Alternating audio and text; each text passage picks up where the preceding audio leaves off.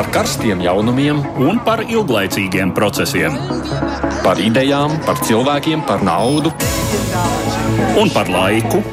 Par abām mūsu planētas puslodēm, un lietojot abas smadzeņu puslodes. Ēterā raidījums divas puslodes. Labdien, jums saka Edvards Liniņš un Aits Tamsons. Tiekamies ar jums ikdienas redzījumā, kas veltīts ir starptautiskajām aktualitātēm. Nu, ziņās jūs dzirdat to, kas tajā brīdī notiek. Mēs savukārt veltam laiku mazliet plašākai analīzei. Un šodien pieskarsimies trim tematiem. Vislielāko uzmanību šķiet Latvijā pievērsis notiekošais Ukrainā. Ukrainas armijas sekmīgais pretuzbrukums Harkovas apgabalā un Krievijas armijas visai paniskā atkāpšanās daudziem tā ir ļoti gaidīta ziņa. Mulsināja ātrums, ar kādu notikumu risinājās. Šobrīd gan jaunu ziņu birums ir mazliet pierimis, un galvenais jautājums, ko varam gaidīt tālāk. Otra ziņa, kas neapšaubām pārņēma visus starptautiskos plašsaziņas kanālus, bija Lielbritānijas karalienes Elizabetes otrās aiziešana mūžībā. Lielbritānija turpina sērot, un bērns ir tikai vēl priekšā, bet nu, paralēli uzmanību pievērst jaunajam karalim, Čārlzam III. Aktuāls ir jautājums par to, kāda būs monarhijas loma un ietekme turpmāk. Ne tikai Lielbritānijā, arī ārpus tās un svarīgi notikumi ir izcinājušies tepat mums līdzās Zviedrijā. Tur svētdien notikušas parlamenta vēlēšanas, un tās ir radījušas zināmu politisku nenoteiktību. Kreiso un labējo spēku bloka pārstāvji ieguvuši gandrīz līdzvērtīgas vēlētāju simpātijas, un nav līdz galam skaidrs, kas un kā turpmāk varētu noteikt Zviedrijas politisko kursu. Par to visu arī šajā stundā runāsim. Kopā ar mums studijā visu stundu būs arī politologs un vēsturzinātņu doktors Ejārs Skudra. Labdien! Labdien! Nu, un redzījumā būs arī kāda saslēgšanās elektroniski, bet sākam vispirms ar tātad notiekošo Ukrainas fronti frontē. Nedēļas laikā Ukraiņas spēki atguvuši vairāk teritorijas nekā Krievijas spēki spējuši ieņemt vairākos mēnešos. Šis secinājums pēdējās dienās apceļojas daudzu preses izdevumu slēs. Šie panākumi gūti karadarbības ziemeļu sektorā pie Ukrainas otras lielākās pilsētas Harkivas.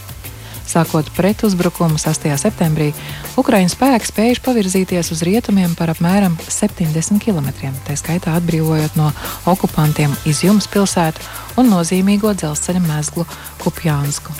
Krievijas spēku fronte šeit faktiski ir sabrukusi. Daudz viet notikusi paniska bēgšana, pametot kara tehniku un munīcijas krājumus. Ukraiņu rokās kritušās Krievijas kara tehnikas ir tik daudz, ka Ukrainā to jau ironiski dēvē par Krievijas lendlīzi.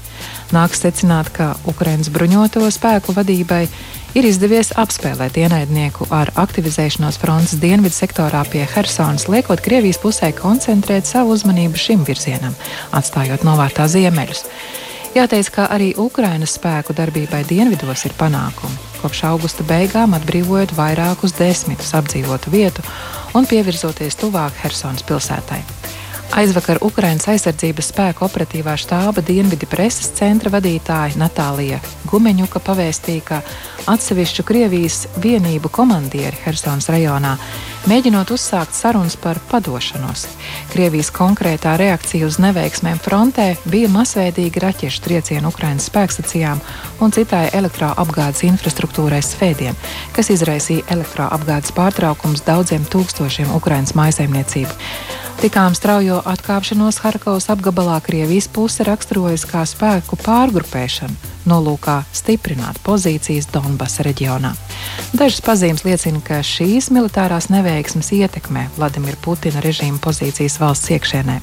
Arvien skaļāk dzirdamas balsis šovinistu nometnē aicina saukt pie atbildības Krievijas armijas vadību un reizums peļ arī pašu režīma līderi Putinu. Nīgros toņos nesen izteicies Čečenijas vietvaldes Ramzans Kadīrovs, piesolot, ja situācija neuzlabosies, aprunāties personiski Kremlī par aizsardzības resortu darbību. Vairāki desmit Sanktpēterburgas un Maskavas municipālo deputātu ir atļaujušies nākt klajā ar publiskām vēstulēm, aicinot Putinu atkāpties no amata.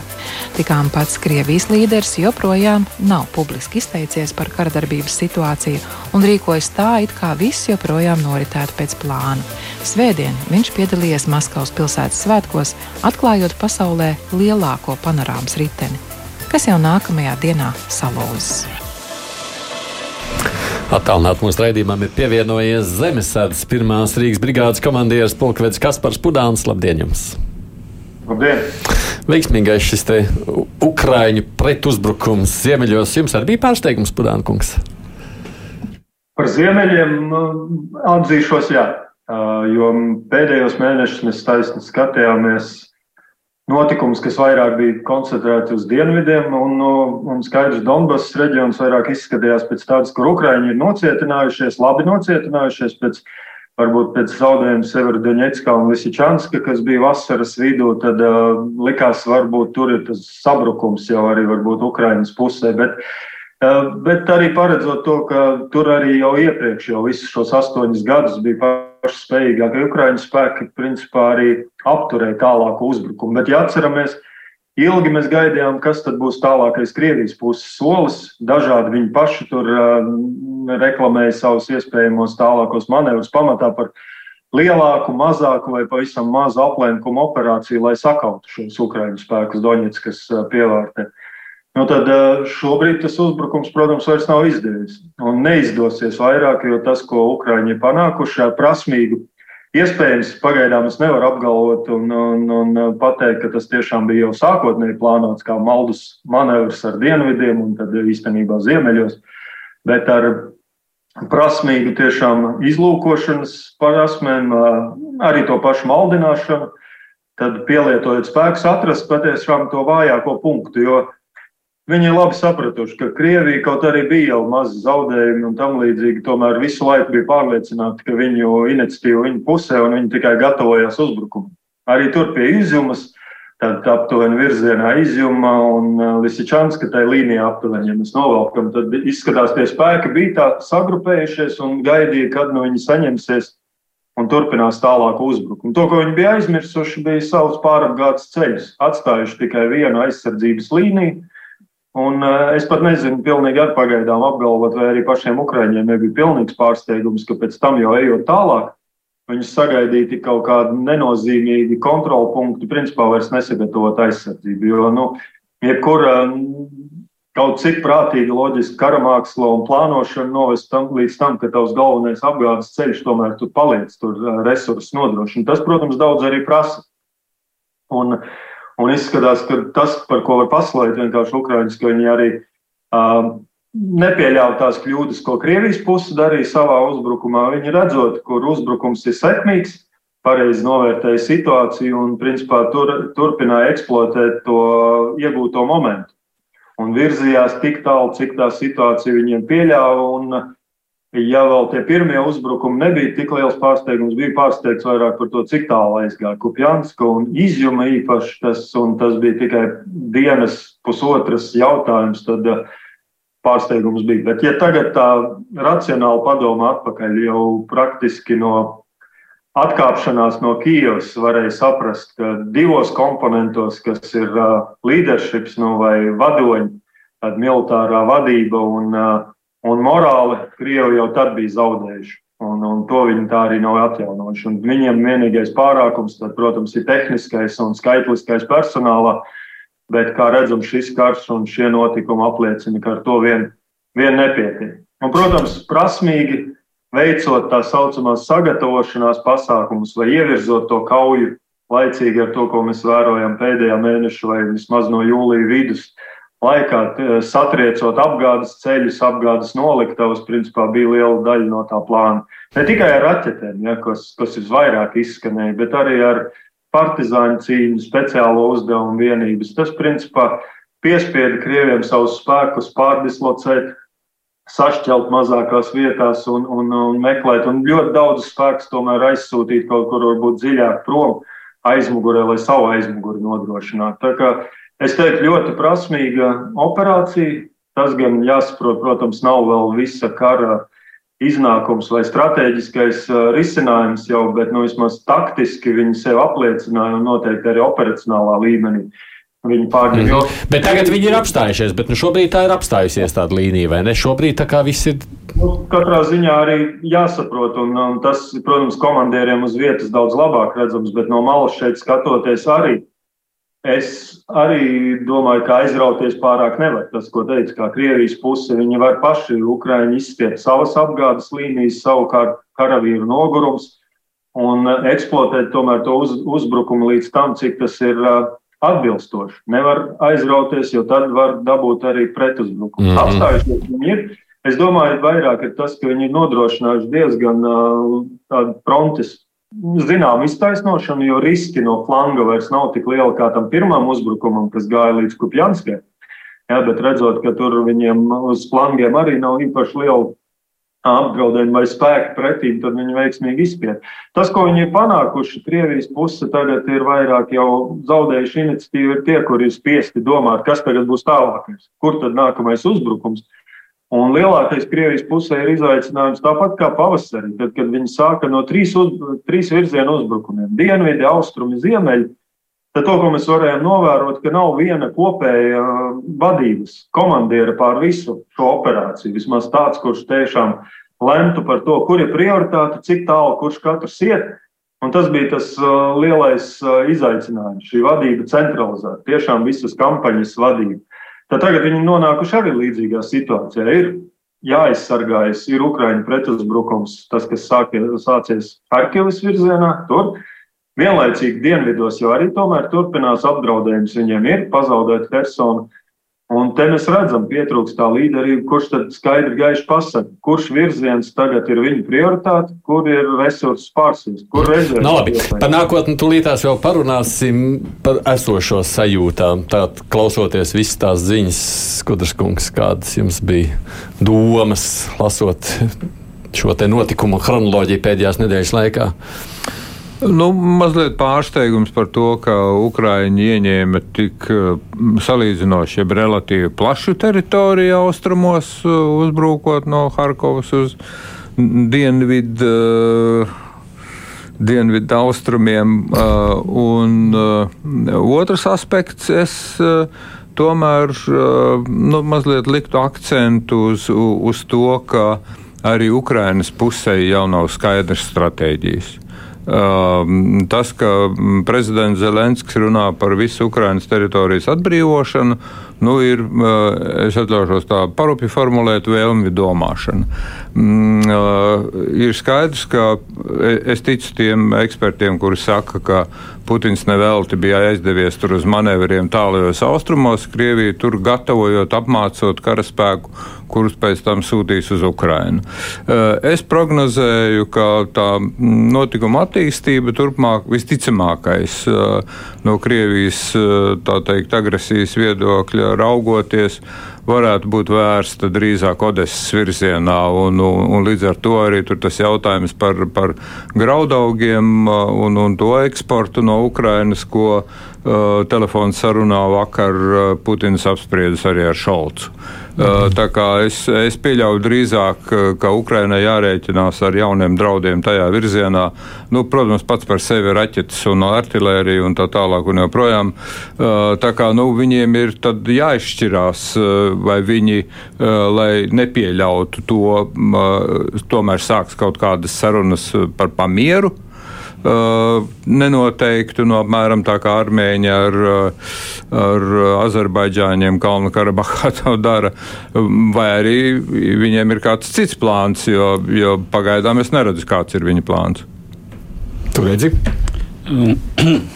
Nu, es arī, protams, neredzu, un uh, tas arī nav ticis, kā jau Skudras kungs norāda, ļoti konkrēti definēts. Nu, ir skaidrs, ka šobrīd uh, Pamiera sarunas eh, ir visai nepopulāras eh, Ukraiņas sabiedrībā. Eh, un tas ir faktors, kāpēc es domāju, prezidents Zelenskis diezin vai piekritīs tuvākajā laikā. Arī vēl tāpēc, ka nu, vismaz tādā publiskā retorikā Krievija joprojām uzskata, ka tā var šīs sarunas īstenot mm, no spēka pozīcijām, diktējot noteikumus.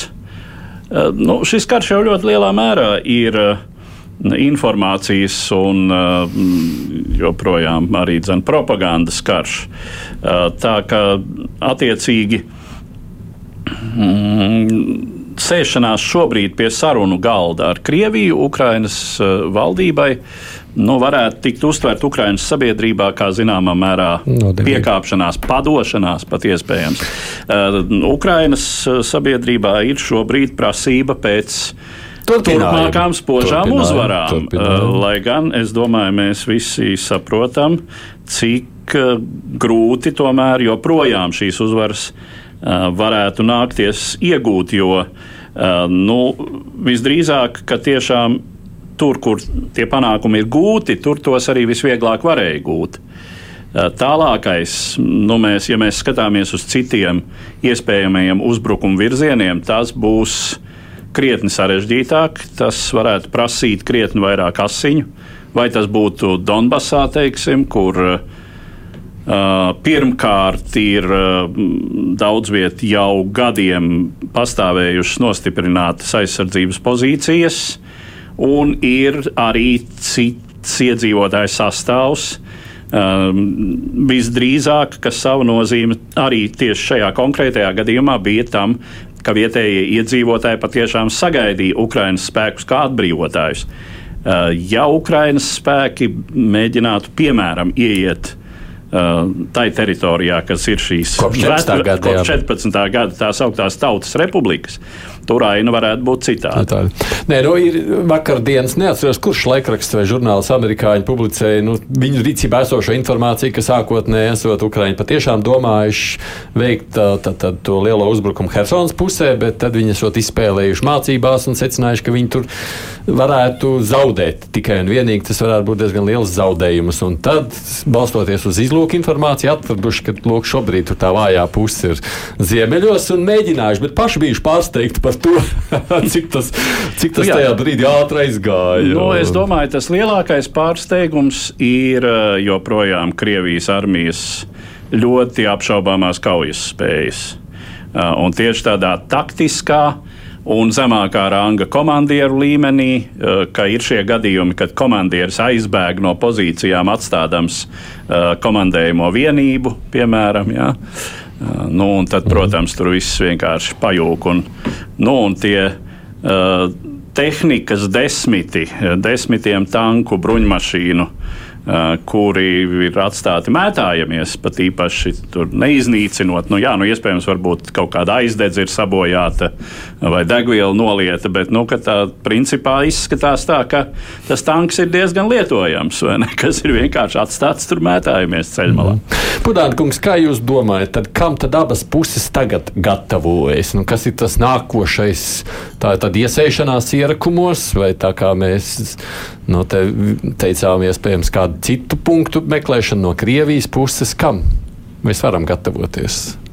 Nu, Krievijas puses, protams, ātri mēģinās rehabilitēties savus zaudējumus, lai varētu parādīt arī savai sabiedrībai un mēģināt labot. Nu, to, ko viņi var izdarīt, ir tikai iekšēji, turpat uz vietas Ukrainā, mēģināt pārorganizēt, bet tas jau iepriekš nebija sekmīgi, jo tā, tā armija, kas šobrīd arī cieta zaudējumus ziemeļos, no Harkivas tur izjumā bija tie paši, kas jau bija atvilkti atpakaļ no, no ziemeļiem, no Kīivas frontes.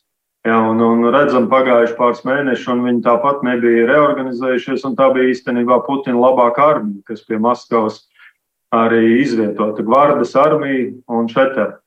Uh, nu, pār, pārapgāde tas tik ātri neies. Protams, to viņi visus gadus mums ir uh, rādījuši, demonstrējuši savās visās mācībās, strateģiskā līmeņa, cik ātri viņi var pārsviest spēkus. Uh, bet pārsviest tikai viens - sagatavot un integrēt iekšā esošā operācijā. Nu, būs grūti skaidrs, ka prioritāte viņiem būs tagad atrast, kur nostiprināties iespējams minētajos rajonos un iespējams vismaz nezaudēt dienvidos. Uh, uz turieni. Ko no Ukrainas puses, nu, jūs jau minējāt, arī gluži uh, līdzīgi, es domāju, meklēs iespējamos nākamos punktus. Ja mēs skatāmies uz geogrāfiju un varbūt to spēka izvietojumu un atkal pārsteigumu momentu, vai varbūt vienlaicīgi arī morāls momentu, es prognozētu, varbūt iespējamu operāciju, kas mēģinātu savienot Ukrainas spēkus ar Azovas jūru, mēģinot tādējādi nogriezt tos spēkus, kas aizsargā Hersonu, to apgabalu, tad Perekopa šaurumu uz Krīmu un vienlaicīgi, protams, arī ar uh, otru pusi. Ja, tad tas varētu būt tāds šoka gājiens, kas nebūs vairs arī, kā jūs jau minējāt, arī tik, tik viegls. Tur, protams, ir savādāks apvidus, daudz uh, plašāks.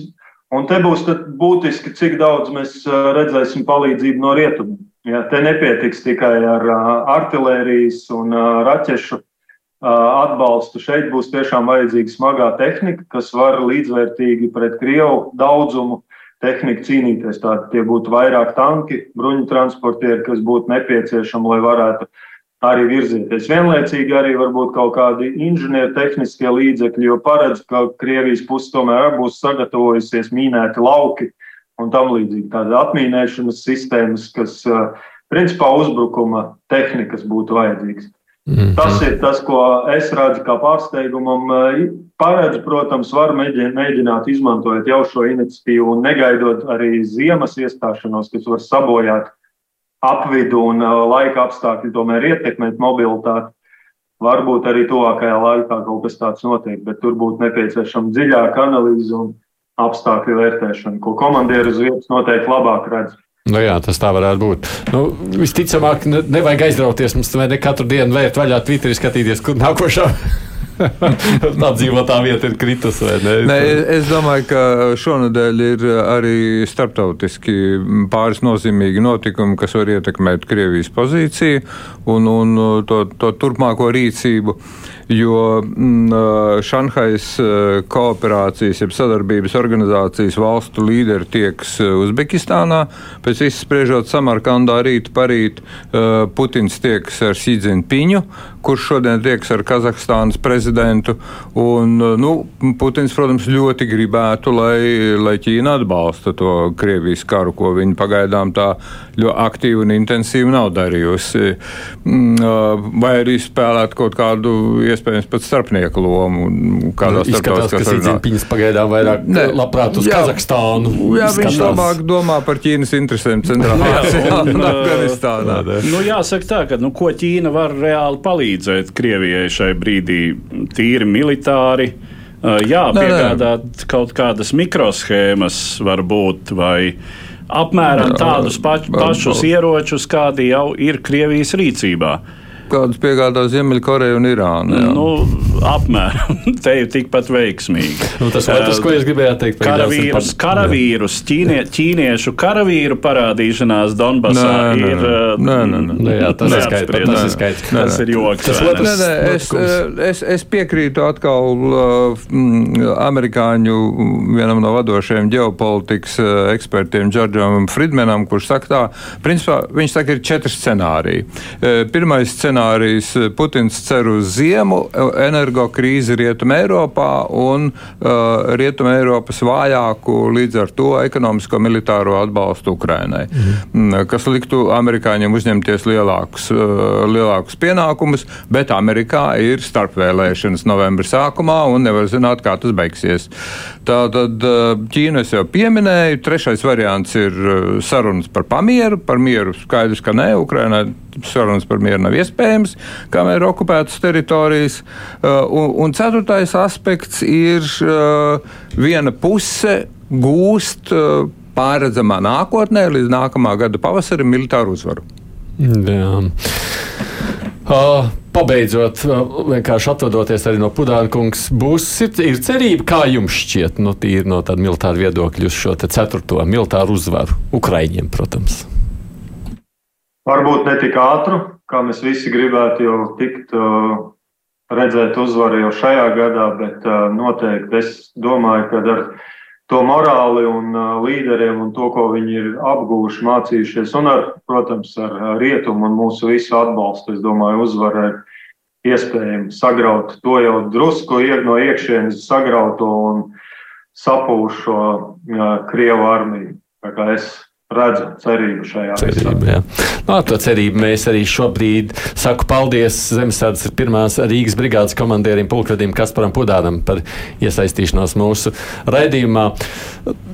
Tādos savukārt daudzos Eiropas medijos šīs ziņas no Ukrainas sākotnēji pat paskrēja garām, tā mazāk pamanītas, jo tur tā visu uzmanību pārņēma negaidītais no Lielbritānijas. Mūžībā aizgāja karaliene Elizabete II, un tad iepriekšējās dienās ir tik daudz par to runāts. Ka mums šeit nav nozīmes, kā saka, puslodēs atkārtoties, bet nu, nepieminiet arī nebūtu pareizi. Mēs gribam mazliet laika veltīt tālākajam monarhijas nākotnē. 8. septembrī līdzinējai Britu monarhijas galvai karalienei Elizabetei II, noslēdzot savas šīs zemes gaitas, Viņas vietā nekavējoties stājās troņmantnieks Elizabetes un prinča Filipa ģimenes pirmdzimtais Čārls, kļūdams par karali Čārlu III. Šobrīd jaunais karalis ir 73 gadus vecs, kas padara viņu par vecāko troni mantojušo, kā arī visilgāk troņmantnieka statusā sabijušo monārhu Lielbritānijas vēsturē. Kā jau ierasts karaļnama pārstāvjiem, viņš aktīvi darbojies sabiedriskajā dzīvē un labdarībā pārstāvējis karaļnama kontaktos ar kroņa domīnijām un Britu nāciju sadraudzības valstīm, sevišķi pēdējos gados, kad daļēji pārņēma šo funkciju no nelaiķis karalienes.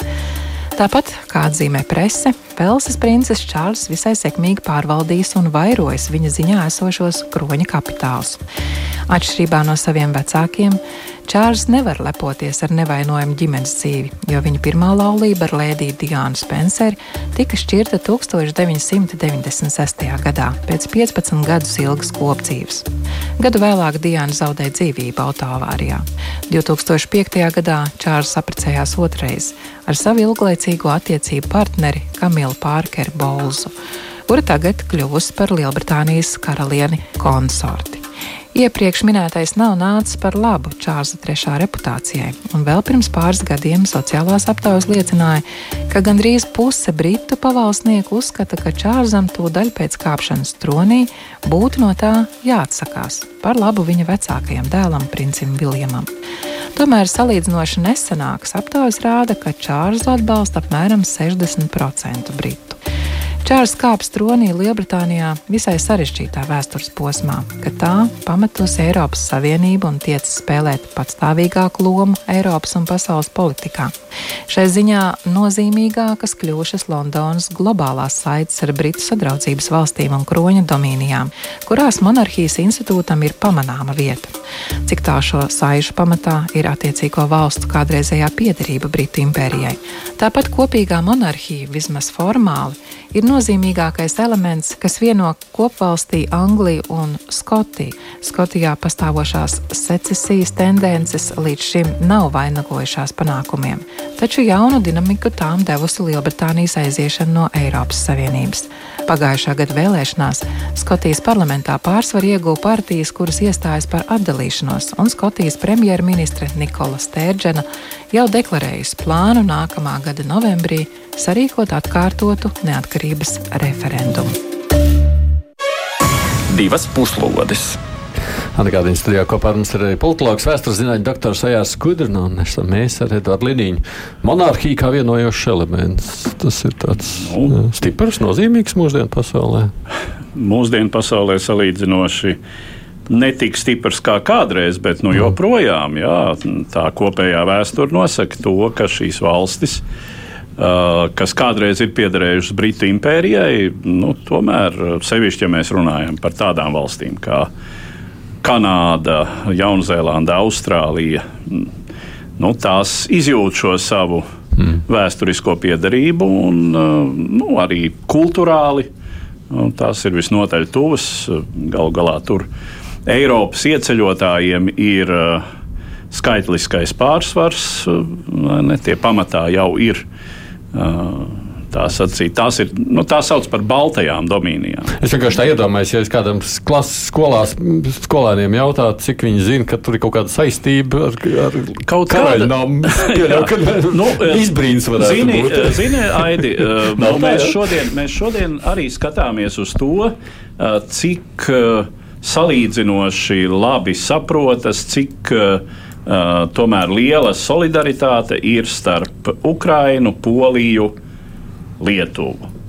Nu, tur arī sava nozīme ir, ir tam, ka kādreiz ši, visas šīs Vēsturē, valstis. Jā. Viduslaikos, jauno laiku sākumā piederēja pie vienas Valsts. Lietuvas, Polijas kopvalsts. Nu, jā, bet tāda monarhijas ietekme un nozīme, kā Kā jūs viņu raksturot šobrīd? Nē, es, es domāju, ka, kas attiecas uz monarhiju, nu, Čārls III jau ir ļoti uzmanīgi sācis tā teikt apjaust, jeb likt apjaust, kādu viņš te gatavojas to savu uh, komunikatīvo līniju veidot. Viņš, protams, uh, vairs nepiesauc nekādu Britu impēriju, koloniālo un tam līdzīgi.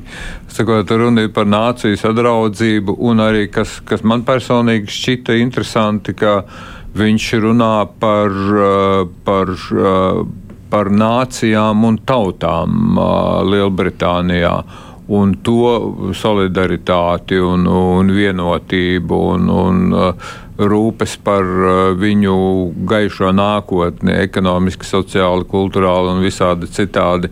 Uh, tātad viņš cenšas iet prom no mm, kaut kādām domām par, par Anglijas dominēšanu pār Velsu, Skotiju un Ziemeļīriju. Tā kā, uh, nu, cik viņam tas izdosies, to lielā mērā parādīs šī nedēļa, tā sēra nedēļa. Un, un, bet, bet visādā ziņā arī, arī tā pati procedūra, kas velkas cauri, nu, sākot no Skotijas, eh, tad uz eh, Edinburgu, tagad uz, uz Londonu un, un Čārlis pats eh, Ziemeļīrijā un Velsā. Un, un, un tā, tas liecina par to, ka nu, ir mēģinājums, tas ir tas, ko.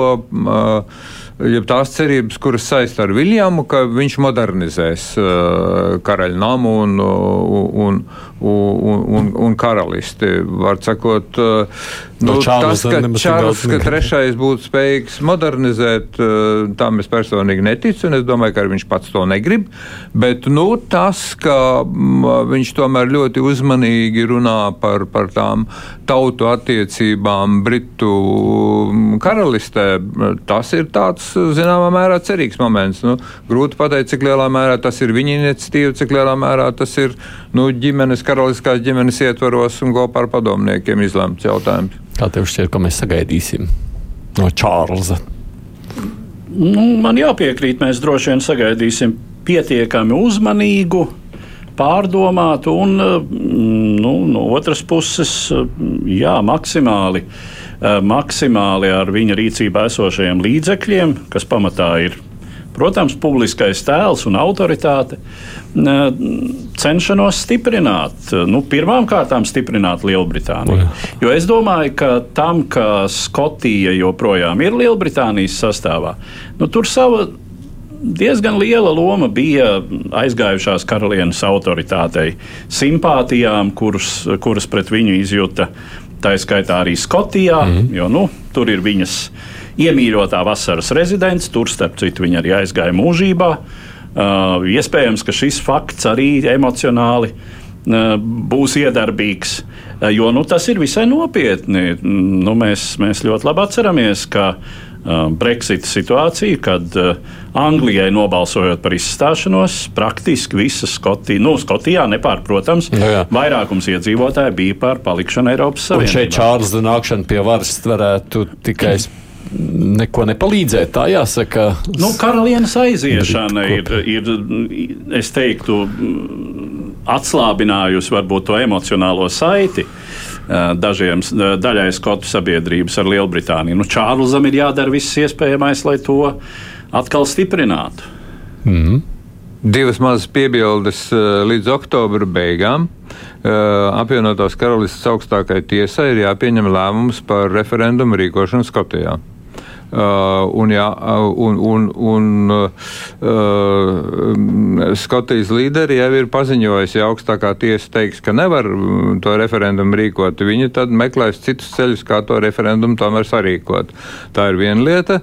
Un otra lieta, līdz 28. oktobrim, tas ir pēdējais termiņš, kad Ziemeļīrijā ir jāizveido valdība, kas tur nav noticis. Mm. Un, un, un līdz ar to tā tad ir jautājums arī par pirmstermiņa vēlēšanām, vai uh, Anglijas valdība pārvalda Ziemeļīriju uz kādu laiku, kamēr nu, tur notiek vienošanās par to vēlēšanu sarīkošanu.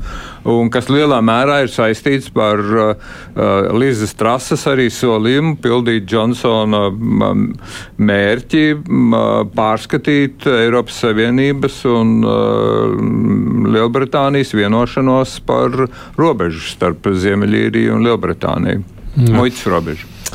Tikai vēl par pašu monarhiju, savukārt runājot par to, Es arī skatījos, protams, paši Briti neapšaubām daudz, tur par to ir daudz runājuši. Tās monarhijas vieta loma jēga tajā modernajā pasaulē, tas jau arī iepriekš aktualizēts, vai ne jautājums. Tās diskusijas var atjaunoties atkal, tā, tad jauns par.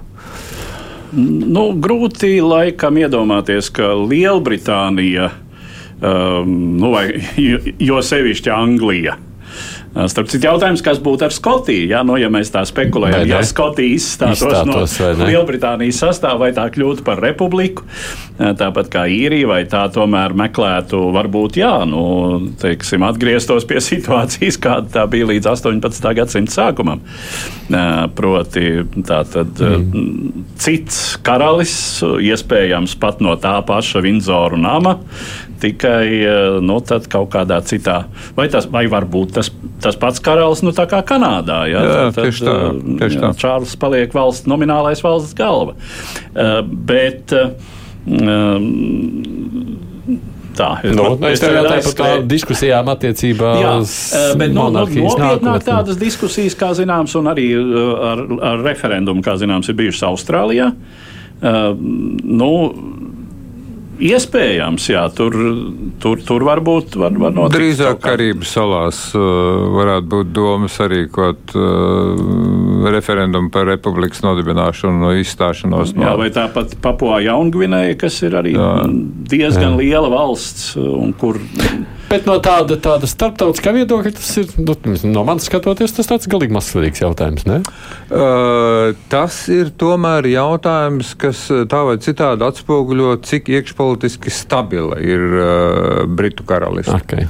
Un, un, protams, nestabilitātes cēloņi ir meklējami visur, arī pašā Anglijā.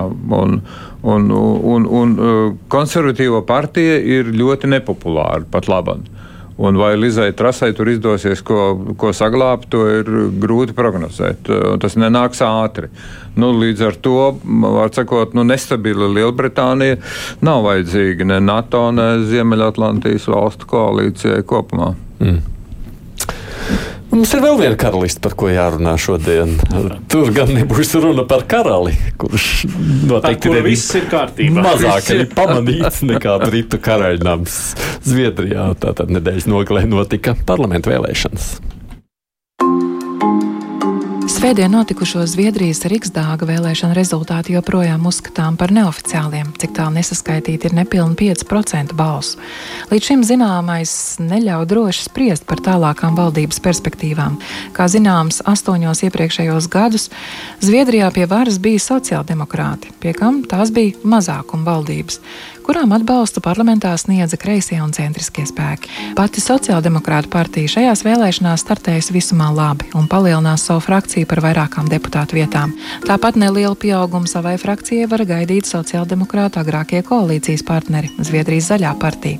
Tomēr ne sociāldemokrātiem pašiem, ne kopā ar zaļajiem vai citiem potenciālajiem partneriem nepietiek balsu vairākumu koalīcijai. Pēc visas spriežot, arī nākamā Zviedrijas valdība būs mazākuma kabinets, kura varu noteiks koalīcijā neietilpstošu parlamenta frakciju atbalsts. Un šai ziņā nedaudz lielāks izredzes šķiet sociāldemokrātu tradicionālajiem konkurentiem - mēreno jeb moderātu partijai. Moderāti pēc viss spriežot var rēķināties ar kristīgo demokrātu, liberāļu un, kas sevišķi svarīgi, tā saucamo zviedru demokrātu atbalstu. Zviedru demokrāti, kuru partijas saknes meklējums, tā skaitā ultralabējās kustībās, šais vēlēšanās sasnieguši jaunu rekordu, kļūstot par otro lielāko Rīgstāga frakciju pēc sociāldemokrātiem. Partijas reputācija joprojām ir tāda, ka tās iesaistīšana valdībā nav reāla, taču moderāti ir gatavi izmantot Zviedru demokrātu atbalstu nākšanai pie varas. Sociāldemokrāti savukārt var cerēt uz līdzinējo atbalstu no centra partijas, kreisās partijas un zaļās partijas. Pašreiz abus potenciālos pēcvēlēšanu blokus šķir mazāk nekā procents vēlētāju balsu. Tāpēc līdz šim vēl nesaskaitītās balsis, kas lielākoties iesūtīts pa pastu vai nodotas ārzemēs, var izrādīties izšķirošas. Jāatgādina, ka valdība valdības apstiprināšanai Zviedrijā nav nepieciešams parlamenta vairākuma balsojums par. Pietiek, ja vairākums nenobalso pret. Attiecīgi atbalstu valdības izveidēji partijas var sniegt arī atturoties. Priekšvēlēšanu kampaņas asākā tēma bija migrācija, kur moderātu uzstādījumu par striktākiem ieceļošanas un patvērumu iegūšanas noteikumiem ir tuvinājusies tradicionāli pret migrāciju vērsto Zviedru demokrātu pozīcijai. Mēs nezinām joprojām, ja tos galīgos vēlēšanu rezultātus ne, nebūs. Nebūs. Tie galīgie rezultāti oficiāli. Nu, tur ir tāda nianse ka visas runas par valdības izveidošanu, protams, aizkulisēs notiek jau tagad. Nu jā, bet tas... oficiāli varēs sākties pēc tam, kad tiks pasludināti oficiāli vēlēšanu rezultāti. Tas būs, tas būs pēc divām nedēļām. Pēc divām, pēc divām nedēļām, skaitot no 11. septembra. Bet tie vēlēšana rezultāti pa pastu ātrāk pienāk. Nē, nē, bet, bet oficiāli. Nu, okay. Tā ir procedūra. Nē, tā ir cita opera, jā, bet, jā, jā. Bet, nu, nē, bet tā opera ir svarīga no tāda viedokļa, kamēr nav oficiālo rezultātu, neviens nevar nākt ar valdības izveidošanu. Nu, nē, tas ir saprotams. Jā, jā. Es, es neatceros, vai tas bija. Mm, No. Moderātu partijas līderis vai Zviedru demokrātu līderis, kurš izteicās, ka nu, šodien, trešdien, tas ir šodien, vajadzētu būt skaidrībai. Nu, kas nu, nozīmē, ka skaidrība, būtu jā, saskaitīts jā, pietiekami daudz balsu, jā. lai tad būtu skaidrs. Kurš ir uzvarētājs? Kurai ir viena balss vairāk? Jā, jā, jā, jo tur ir runa par, būtībā par vienu deputātu jā, vietu. Jā. Un laikam tūdaļ jāsaka, ka Zviedru politiskā kārtība un tradīcija, nezinu, kā ir ar striktu kārtību neparedz tādu. Uh, nu, piemēram, deputātu balsu pārpirkšanu. Uh, tur, uh, teiksim, partijas atkāpšanās no partijas disciplīnas ir apmēram līmenī, ka nu, reizēm atturās balsojumā, kurā partija balso par. Vai nobalso par vienas balsojumā, nekādas, kur, nekādas sirdsapziņas brīvības. nu, diezgan maz, jā. Bet kā tad jūs sacītu, kurš tad ir uzvarētājs šajās vēlēšanās? Es tā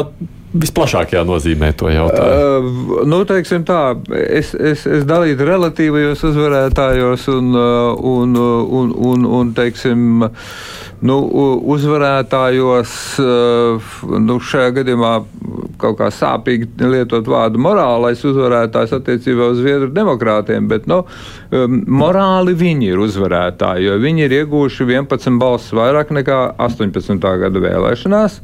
Um, sociāldemokrātiem ir astoņas balsis vairāk. Tā kā viņi ir otrie uzvarētāji, uh, ja runājam par, par šādiem panākumiem. Un trešā partija, kas ir palielinājusi savu balsu skaitu, ir zaļā partija. Viss pārējais ir zaudējuši. Mm. Vispār ir zaudētāji. Un, var sakot, tā proporcija, spriežot pēc tiem jau pagaidām esošajiem izteikumiem, ir 174 balsis sociāldemokrātu vadītai koalīcijai un 175 balsis eh, moderātu vadītajai koalīcijai, bet eh, Zviedru demokrāti lūk ir paziņojuši, ka tā nebūs, ka viņi būs tie, kuri nesot valdības oficiālā sastāvā, atbalstīs mazākumu valdību, kuru izveidos uh, moderāti. Uh, kopā ar kristīgiem demokrātiem un liberāļiem. Ja? Viņiem ir 102 vietas, un, un Zviedru demokrātiem 73, ja paliek tā. Ja? Un tad ir 175, viens balss vairākums, un viņi tad veido to valdību.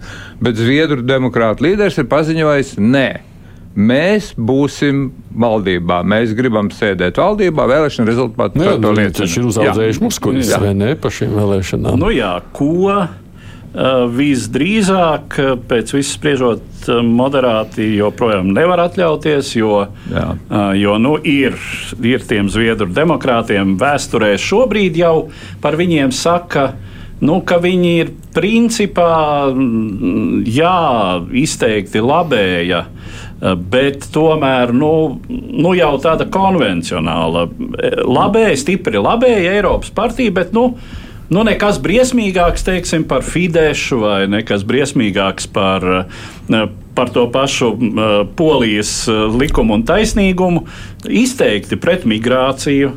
Jā, migrācija līdz Uh, līdz nulei, vai ne? Tā, tā, tas būtu tas uh, vēlamais, bet uh, no otras puses labi saprot, ka nu, tas šobrīd nav reāli un, un visdrīzāk piekristu arī dzēn moderātu definētajam, ka tikpat cik Norvēģijā un Dānijā, jā, jo Zviedrija ir joprojām migrācijai atvērtāka zeme. Un, nu, vārdu sakot, mm -hmm skatoties uz pašreizējo politiku, nu, nekas, nekas briesmīgāks daudz par, par Latvijas Nacionālo apvienību. Ja? Nu, es būtu piesardzīgs, jo viņiem ir spārns, kas ir krietni radikālāks hmm. par mūsu Nacionālo apvienību. Ja, bet, nu, nu, mums... vidēji. Jā. Bet skatoties tajā visā, nu, ja jums būtu tagad jāliek likums, tad kuriem tad ir lielāks izredzes tomēr veidot valdību? Pat ja tās balsis tur ir nu, turpat viens. Es, e, es pieļauju, ka, var sakot, ja, ja saglabājās tas, tas balsu attiecība kā pat labam, ka, ka Zviedru demokrāti būs spiesti piekrist atbalstīt valdību, esot tajā pārstāvētiem kaut kādās otrā līmeņa pozīcijās.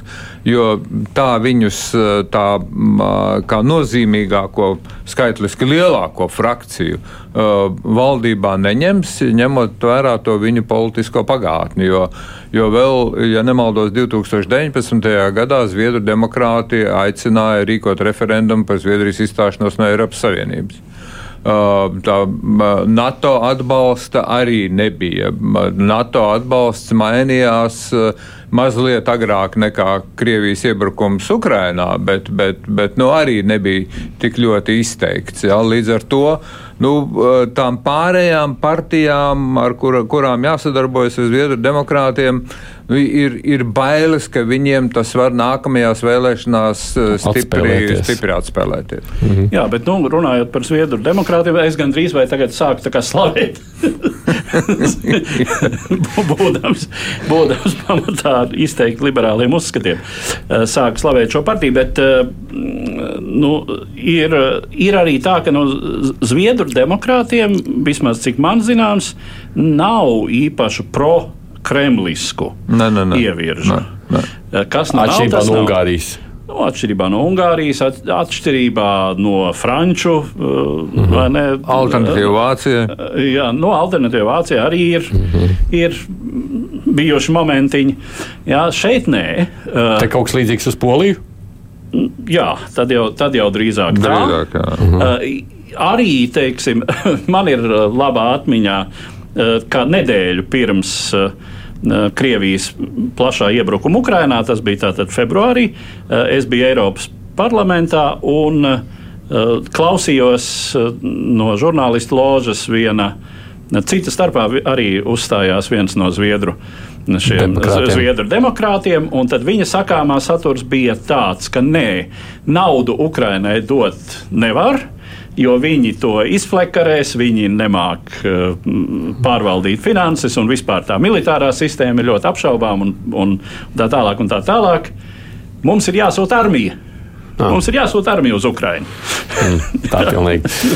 Bet skatoties savukārt uz šo situāciju, viņa pat par sevi liekas diezgan ne? Tā tad, moderāta partija, kas ir zaudējusi, sakām, ietekmi, tad būtu tā, kas tagad pārņemtu varu pretēji sociāldemokrātiem, kas ir vairojuši ietekmi, kas līdz šim bija pie varas. Nē, nu, jautājums te ir, vai šajās potenciālajās koalīcijās, tādu var sakot, ir trīs koalīcijas varianti. Mm. Viens, kur vada sociāldemokrāti, Jā. ja viņiem ir šīs 175 balsis.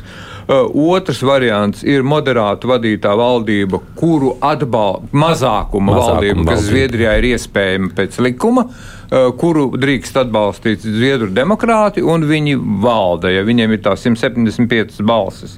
Eh, un trešais variants, kad Zviedru demokrāti piespiež tos pārējos tomēr eh, ņemt viņus valdībā, un tā ir valdība ar Zviedru demokrātu pilntiesīgu līdzdalību. Nu, ņemot, vērā, viņiem, ņemot vērā, ka viņiem ir ļoti labējs, Jā. radikālais spārns Zviedru demokrātu mm. sastāvā.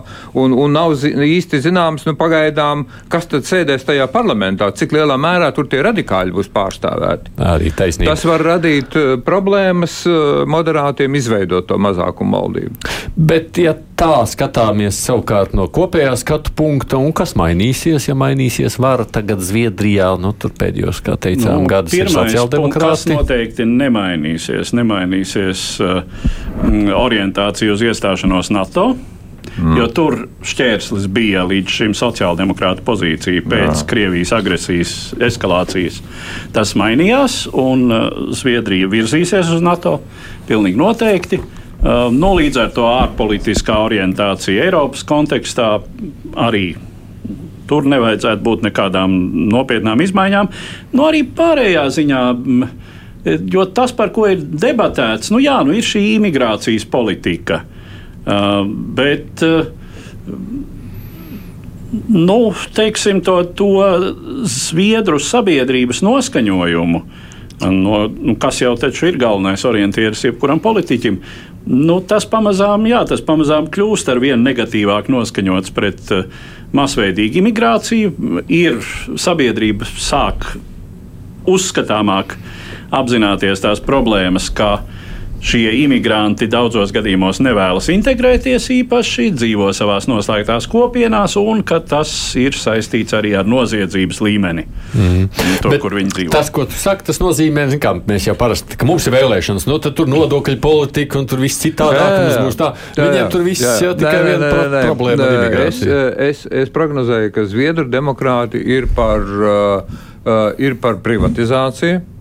Tālāk privatizācija, kas jau ir noritējusi Zviedrijā, uh, pastiprinātā veidā, uh, ka būs uh, tas pats, ko Liza Trasa solīja, nodokļu atraides lielajām, lielajiem uzņēmējiem. Uh, un, un atbalsts, uh, ekonomiskais atbalsts intensīvāks privātajam kapitālam. Tā, tā ir labējāka uh, politika. Sociālā, sociālās Jā. valsts apcirpšana, nodokļu samazināšana uzņēmējiem, protams, kvalificētā darba spēka vervēšana, tā skaitā no Latvijas un pārējām Baltijas valstīm.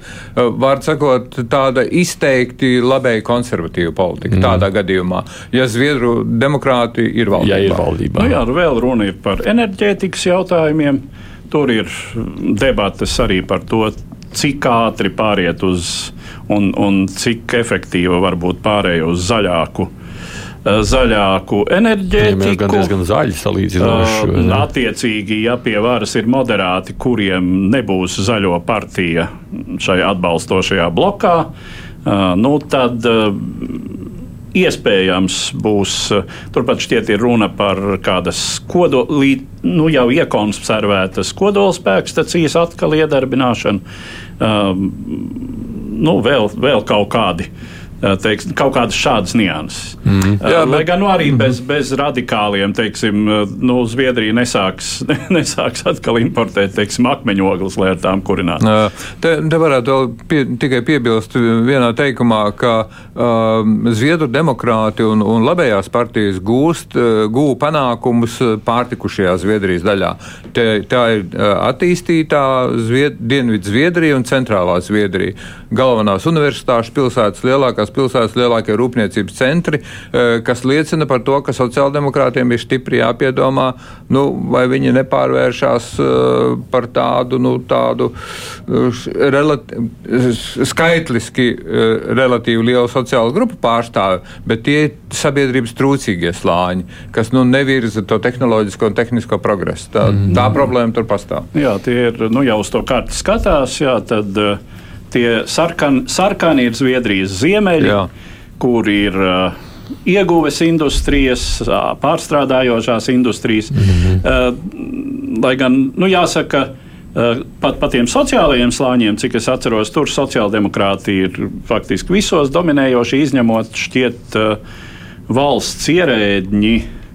Uh, ir, ir vairāk balsojuši par moderātiem. Mm. Savukārt, Zviedru demokrātiem nedominējot izteikti nevienā sabiedrības segmentā visur ir otrās pozīcijas, kas viņiem arī ir mm. devušas otro mm. pozīciju. Nu, mēs gaidām savukārt nevis galīgos rezultātus, bet skaidrību tagad, lai tad varētu skatīties, kā tālāk notikumi risinās. Paldies jums abiem par interesanto sarunu. Politologs vēstures zinātņu doktors Ejārs Skudra bija kopā ar mums šeit. Paldies. Nu, Nedords Liniņš, kā gan autors, gan arī komentētājs. Protams, arī es Aits Tomsons producēju mūsu raidījumu Evi Junām. Tiksimies atkal, protams, divās puslodēs pēc nedēļas. Lūkosim, kas tad nākamo dienu laikā būs noticis. Un droši vien, ka nu, sekosim visiem tiem notikumiem, kādi atkal ir bijuši. Divas puslodes!